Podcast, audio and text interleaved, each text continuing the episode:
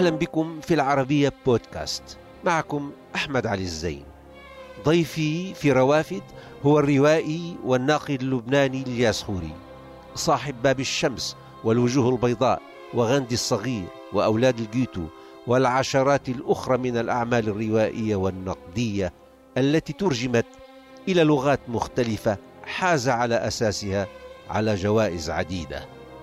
اهتم إلياس خوري في المسرح أيضا. فكتب وأدار مسرح بيروت لسنوات عديدة. أهلا بك معي أستاذ إلياس. قبل حوالي سبعة عشر عاما التقيت إلياس خوري في مدينته هذه بيروت وكان ذلك في سياق روافد ليخبرنا آنذاك عن مدينته هذه كمنصة استثنائية للمعرفة والسجال والفكر والشعر والعشق والحب. وللأسف شهدت بيروت أهوال الحروب والخراب كحال بعض شقيقاتها اليوم. وقد سماها الياس خوري في واحدة من رواياته الأولى الجبل الصغير. وكان يعني به حي الأشرفي مسقط رأسه. كتبها الياس كتب بيروت في الكثير من رواياته بمقدار ما كتب فلسطين وكانت باب الشمس يوم ذاك واحدة من تلك الأعمال التي وثقت لحكاية حب فريدة. توجها بعد سبعة عشر عاما بثلاثية أولاد الجيتو وهو عمل ضخم من ثلاثة أجزاء. لكأنه كتابة جديدة لباب الشمس أو استكمال لها وبالتالي تأريخ خاص. للتجربة. بعد سبعة عشر عاما عدنا لاستكمال الحوار إذا صح القول مع الياس خوري أو لمتابعته. وكان ذلك قبل الانفجار النووي الذي دمر جزءا كبيرا من بيروت وتحديدا حي الأشرفي أي الجبل الصغير مسقط رأس الكاتب. وهذه مفارقة عجيبة. وفي بداية الحوار كنا نعدد بعض الفجائع الكبرى التي حدثت خلال هذه الأعوام ويبدو كانت هناك فجيعة مروعة تنتظرها بيروت بدون علمها طبعا وبدون علمنا. على كل حال أشياء كثيرة تغيرت خلال هذه السنوات منها من صنع البشر ومنها من صنع الزمان. شو اللي تبدل فيك أنت على المستوى الشخصي. فينا نقول إنه صرت أكثر حكمة أكثر تشاؤما أقل تفاؤلا تغيرت الأسئلة. شو اللي تغير بالجوهر؟ أساسا تغير إنه كبرنا بالعمر يعني. وصرنا نحس ب بمعنى الهشاشة تبع الحياة وإنه الحياة هي رحلة قصيرة. خاصة مع موت كتير أصدقاء. يلي كل ما بموت صديق بتحس إنه شقفه منك ماتت. يعني بالأخير أنت بتموت بعد ما يعني بكون مات ثلاث ارباع بكون ماتت بكون مات أجزاء كثيره منك. يلي مرة ذكروا جان جينيه وأنا ما بتنمحى من راسي هالصورة. كان جان جينيه الكاتب الفرنسي عم يكتب عن النحات جاكوميتي. بيقول إنه إنه جاكوميتي لا يخاطب الأحياء فقط. بل يخاطب الموتى. فيمكن الأدب هو أكثر مطرح بيقدر الأحياء والموتى يتحاوروا فيه. ربما كان المطرح الوحيد يلي أنت بتقرأ شاعر من العصر العباسي كأنه عايش معك. هذا بحكم خلود النص. إيه طبعا بحكم إنه النص بيبقى بيعيش أكثر من كاتبه والنص أهم من كاتبه. والكاتب يلي اهم اللي هو أهم من نصه هو كاتب فاشل. وهيدا الحوار بيعطي للحظات اللي عم نعيشها معنى مختلف. يعني هلأ نحن مشكلتنا انه إنه كل حياتنا هي للأسف سلسلة من الهزائم المتواصلة. نعم. كمجتمعات وكأفراد. لأنه هزيمة المجتمع ببلادنا اللي عم تصير بتصير هزيمة شخصية. مش قصة هزيمة سياسية إنه نحن اليوم بلبنان هزيمتنا هي هزيمة فايتة على بيتك فايتة على جيبتك فايتة على أولادك فايتة على فبتصير هي هزيمة شخصية. فهيدا الدمج بين الخاص والعام بمسلسل الهزائم يلي عاشته العرب في يقول من 48 آه، فينا نقول قبل بس أكيد من 48 هو هو يعني آه، بيعطيك قدرة إنك تشوف آه، نسبية التاريخ وإنك مش تقبل الهزيمة. بس إنك تفهم إنه سبق ومرت هيك هزائم بهالوحشية عليك. تحس إنه كنت يعني طالما عم نحكي بهالمطرح بعد هيدي التجربة الطويلة بتحس إنه في شيء أو بعض العمر هيك تبدد آه، سدى نتيجة التعويل على أحلام لم تتحقق. لا لا نتيجة أنا هذه هذا السقوط المتتالي لا لا أنا رأيي ما في سدى. ما في سدى. كلمة سدى ما لها معنى. السدى يعني شو سدى؟ ما راحت حياتنا سدى لا. حياتنا آه، هي مجموعة محاولات يعني لنعطيها معنى. يعني أنا مرة كتبت إنه الأدب هو هو هو محاولة لنعطي الحياة معنى. يلي ما إلها معنى نعطيها معنى. نعم. فهي كل ال كل البحث كان هو بحث عن المعاني والمعاني آه، تتغير المعاني تتبدل. بس الذي لا يتبدل فيها هو شيء واحد جوهري. هو الموقف الإنساني إنه نحن بشر وإنه الإنسان عنده حق بالحياة وعنده حق بالبقاء. نحن عم نسجل الحوار بفترة من الزمن بيجتاح العالم فجأة. كائن صغير مجهري ما بعرف إذا فينا نسميه كائن شيء لا يرى. كشف هشاشة هذا الإنسان وهذه المجتمعات والدول أيضا. وحولنا إلى كائنات تختبئ في الجحور في فترة من الفترات يعني. يعني أعادنا إلى الكهوف الأولى إذا صح القول رغم حداثتها. وحطنا أمام أسئلة كثيرة. شو هي الأسئلة اللي طرحتها على نفسك وأنت؟ أنت الآن أتيت وحاطط هذه السؤال تعرف السؤال الأكبر؟ السؤال الأكبر هو سؤال عن التاريخ. مم. تعرف الأوبئة آه، الأوبئة عامل عامل ثابت. بتاريخ البشرية. وشغلت وشغلت شغلت الإنسان كانت ينحي آه هذه الظاهرة عن سياق الحياة. آه يعني مثلا بتتفاجأ أنه أواخر الحرب العالمية الأولى صار في شيء اسمه الإنفلونزا الإسبانية. الإنفلونزا الإسبانية قتلت 50 مليون.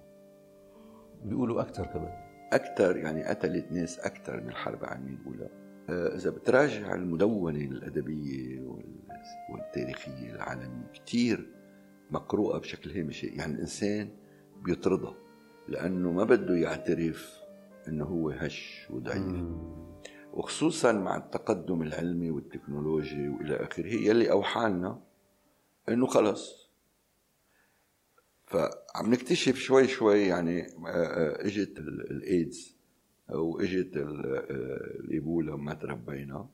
إجتنا الكوفيد 19 لتقلنا إنه لا إنه بالأخير آه، بالأخير هيدا جزء أساسي من التاريخ ويجب أن يقرأ بالتاريخ. فإذا بتقراه بالتاريخ يعني الأمبراطورية الرومانية بكل عظمتها يلي يلي ذبحها هو هو هو الطعام فإذا بترجع بتفوت هشاشة البشر بسياق التاريخ فالتاريخ بصير له معنى مختلف. يمكن هذا الدرس الأكبر يلي أنا يلي أنا تعلمته. إنك ترجع تحطها كجزء من تاريخنا ساعتها بتكتشف قديش الطبيعة أساسية بالتاريخ منا على هامش التاريخ. مثل ما قلت إنه مش الأفراد هي المؤسسات بتحاول تتجاوز أو تتجاهل هالمحطات المفصلية بتاريخ البشرية لأسباب مختلفة يمكن أسباب اقتصادية مثل ما صار الآن يعني إنه طبعا الكورونا بعدها زاحفة بس إنه إذا ضلوا عايشين بهذا الرعب العالم بيخرب بطريقة مرعبة. صح.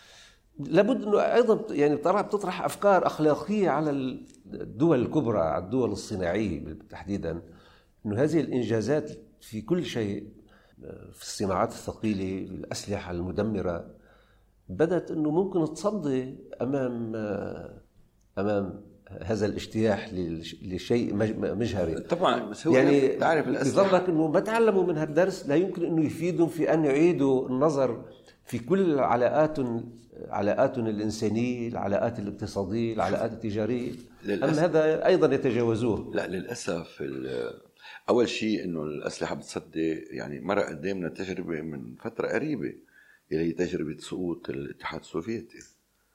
أنه ترسانة ترسانة نووية قادرة على تدمير العالم ثلاث مرات فكت لأنه مشان هيك ما في شيء بيبقى. يعني هيدا. فكرة. إيه, إيه ما في شيء بيبقى. المشكلة تبع الكوفيد 19 إنه نحن نحن بعالم اليوم آه، محكومين بمجانين. محكومين بهاي الرأسمالية بالنيوليبرالية المتوحشة. يلي هي آه، يلي هي آه، مرة أبو جعفر المنصور منسير خليفة عباسي لما استلم وكان في طاعون وخلص الطاعون. فقعد بالمجلس تبعه عم بي يعني قال لهم شوفوا يعني أنا جيت وراح الطاعون. فقام أحدهم وقال له الله أرحم من أنه يسلط علينا أنت والطاعون. فنحن مسلط مسلطين علينا هن والطاعون. فأحد المشاكل الكبرى اليوم إنه يلي عم بيقودوا العالم بأزمة من هذا الحجم هن ناس آه، ما بهمهم الربح المادي لا تهمهم الأرواح البشرية ما بهمهم مصير البشر.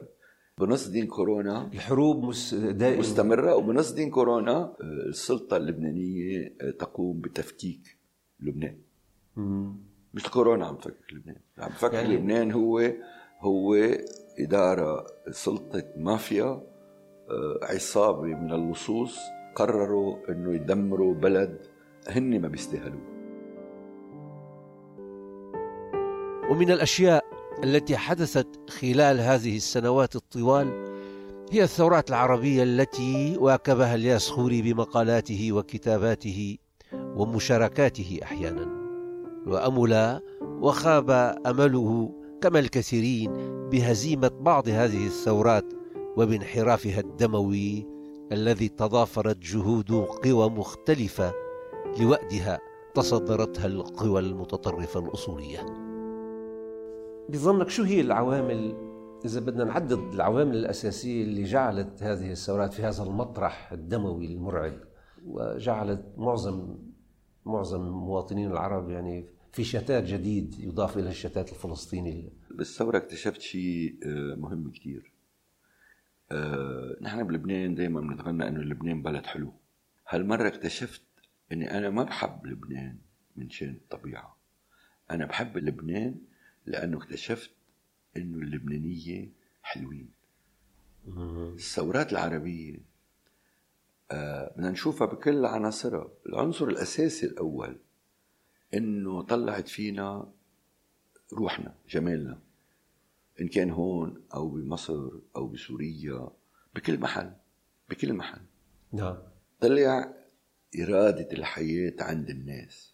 بس الثورات آه، ما ما بتنقرأ بس بنتائجها المباشرة. إنه أوكي بالنتيجة المباشرة فينا نقول انهزمت انهزمت الثورات العربية. بس أنا بقراها كسياق. أنا رأيي الثورات العربية آه، فتحت سياق. يلي هي إنه الناس آه، كسرت كل لغة السلطة. ونحن هلأ عايشين تحت سلطات بلا لغة. ما عندها كلام. ما عندها إيديولوجيا ما عندها كلام ما عندها إلا آلة وحده هي القمع. فالقمع ما بدوم. أنا رأيي أهمية الثورات العربية إنه طرحت قدامنا تحدي كيف نفكر من جديد. وكيف ننزع عنا نشلح هذا هذا الثوب القمعي البوليسي المتوحش يلي ركبنا خمسين سنة ويلي آه، كله كله كذب. يلي قال بد قال هو عمل انقلاب عسكري مشان يعمل جيوش اكتشفنا إنه ما في جيوش. بال 67 ما في جيوش. يلي قال إنه هو بده يحدث المجتمع اكتشفنا إنه المجتمع رجع لورا 100 سنة. آه، آه، فلأول مرة اكتشفنا الناس شافت إنه اللغة القديمة ماتت. هيدا الايجابي هلأ طبعا الثمن غالي كتير الاسى فظيع. أشرت إنه إنه هذه الثورات كشفت هذا الزيف زيف هذه الأنظمة اللي أتت عشية الاستقلالات اللي حدثت في العالم العربي وخطفت أيضا الأوطان. والهزائم المتتالية من 48 إلى 67 ونما على هذه الأنقاض كلها آه، تيارات بديلة أو قدمت حالة كبديل هي تيارات متطرفة بالآخر أصولية. بظنك أنه فقط هي الهزائم أسست لهذه لصعود هذه التيارات ونموها. أم في أسباب أخرى يعني ما بنعرفها أو بنعرفها وما بنحكي عنها يعني. لا في كثير أسباب طبعا في أسباب بنيوية يعني إنه بالمرحلة السابقة الشغل على البنية الثقافية والفكرية والدينية. كان شغل هش. يعني ما انشغل فعليا على نقد المنظومة التقليدية يلي ورثناها من المرحلة على الأقل من المرحلة العثمانية.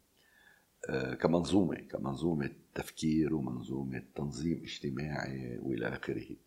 بس كمان في جانب آخر آه، في مصارف بس أنا شوف أنا الموجة الإسلامية غير بتخوف الموجة هذه التطرف الإسلامي بتخوف. طبعا أنا بيقتلوا بس أنا دايما بالنقاش كنت دايما أقول إنه هدول بخوفوا بشكل ظرفي لسبب وحيد.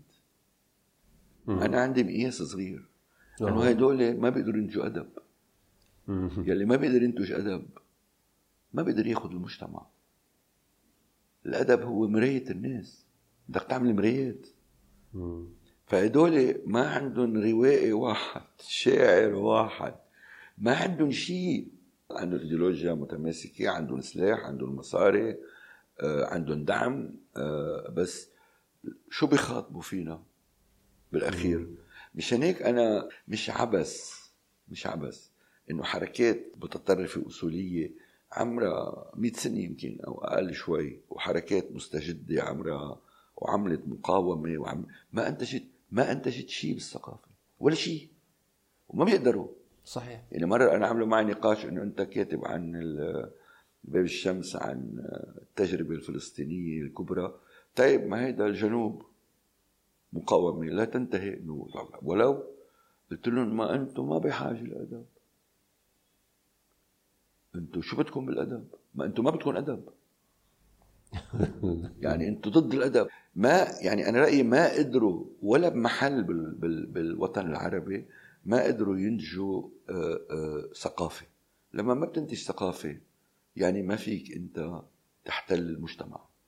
فيك تمسكوا بالعنف للمجتمع. بس ما فيك ما فيك تحتل الناس لأنه الناس هيدي حاجات الناس بتحب تغني وبدها وبدها تسمع شعر وبدها تنبسط وبدها آه، آه، تعبر. بدها تعبر. بدها تعبر عن ضعفها بدها تعبر عن الحب. آه، إنه معقولة يعني إنه بتعمل حركة ثقافية سياسية مصلبطة ما بيحكوا عن الحب. شو هيدا؟ ما بيحبوا هدول؟ كيف بشر؟ كيف واحد بشري ما بيحب؟ ما بينغرم. نعم.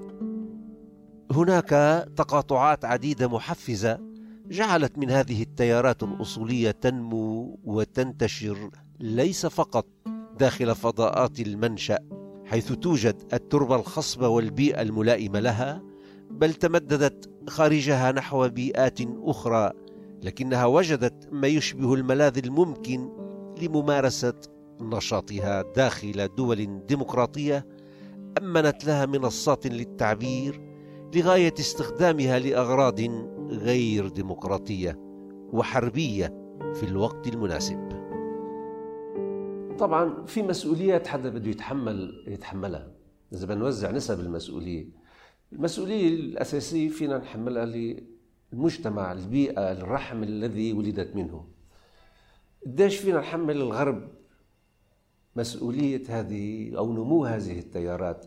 يلي لاحظته قبل 11 أيلول بالثمانينات بالثمانينات بنيويورك بالجامعات بنيويورك كانت الجامعات مفتوحة للإسلاميين. هذا هو جوهر السؤال نعم. وبعد حرب وخلال أو بعد بعد حرب أفغانستان وقتها في مفكر باكستاني أمريكاني أنا بحبه كبير كثير اسمه إقبال أحمد. مم. إقبال أحمد كتب دراسة مدهشة بيقول فيها إنه إنه الأمريكان أنتم اللي ربيتوا أسامة بن لادن. بكرة أسامة بن لادن بده يرتد ضدكم هذا قبل 11 ايلول بسبع سنين. هلا هل هل يعني هذا إنه المسؤولية تقع كليا على على السياسة الأمريكية؟ مش أكيد لأنه في في مسؤوليات أخرى. بس كمان بتذكر برجنسكي اللي كان المستشار الأمن القومي للرئيس آه، الأمريكاني كارتر يلي برجنسكي قال فيها وكتب إنه الطريقة الوحيدة لتدمير أو لخوض الحرب ضد الاتحاد السوفيتي هي اللجوء للتيارات الأصولية الإسلامية. وهيدا في ثمن بدنا ندفعه بس هيدا أرخص من مواجهة مع نعم، الاتحاد مباشرة مع الاتحاد السوفيتي. ففي شيء واضح بالسياسة الامريكيه بس طبعا هيدا ما بكفي لو ما في بالمقابل بالعالم العربي آه، هذه الاتجاهات موجودة والاتجاهات وإلى دعم مادي هائل. وهيدا الثاني السبب الثاني كمان ما بكفي لو ما كان في أزمة ثقافية كبرى حصلت بعد هزيمة 67 نعم نعم. اجت ردة الفعل؟ بلشت ردة الفعل الدينية إنه أنت إنه القومية لك لو وصلتنا نرجع على الدين. يلي هي يلي هي نفس الأسئلة اللي طرحت عمليا بعد سقوط الدولة العثمانية. إنه نحن انهزمنا لأنه ابتعدنا عن الدين. وهذه بتلاقيها بكتابات آه، ناس كتار يعني. يلي يمكن أحسن تجسيد لها هو هو آه، سيد قطب المفكر الأساسي للتيارات الإسلامية. فأنت هون يعني وصلنا على تقاطعات معقدة جدا. بتحمل المسؤوليات يعني. بالتركيبة يلي انتجت هذه هذه الظاهرة. وطبعا ما ننسى التأثير المباشر للنموذج الإيراني. نموذج بناء دولة إسلامية بإيران. آه، أنا رأيي فتح أبواب آه، كبرى لنمو هذه التيارات. إيه، ولعب دور كثير كردود فعل نعم. ولعب دور كثير يعني الأنظمة العربية استخدمت فلسطين كحجة لتقمع شعوبها. هلأ عندنا صيغة جديدة من استخدام فلسطين. هي استخدام فلسطين لتدمير العالم العربي. كحج كحجة لتكون جزء من مشروع توسعي لدولة إقليمية كبرى اللي هي إيران. وبالتالي الموضوع الأصلي من هو الموضوع؟ صحيح. دائما هذه النماذج من الدول والأحزاب ترفع شعارا عادلا وبراقا لغاية باطنية وغير عادلة. وهذا ما فعلته أنظمة الاستبداد تاريخيا وتزاول فعله وجميعها وجدت في شعار تحرير فلسطين الحصانة الشرعية لكل ارتكاباتها الدموية.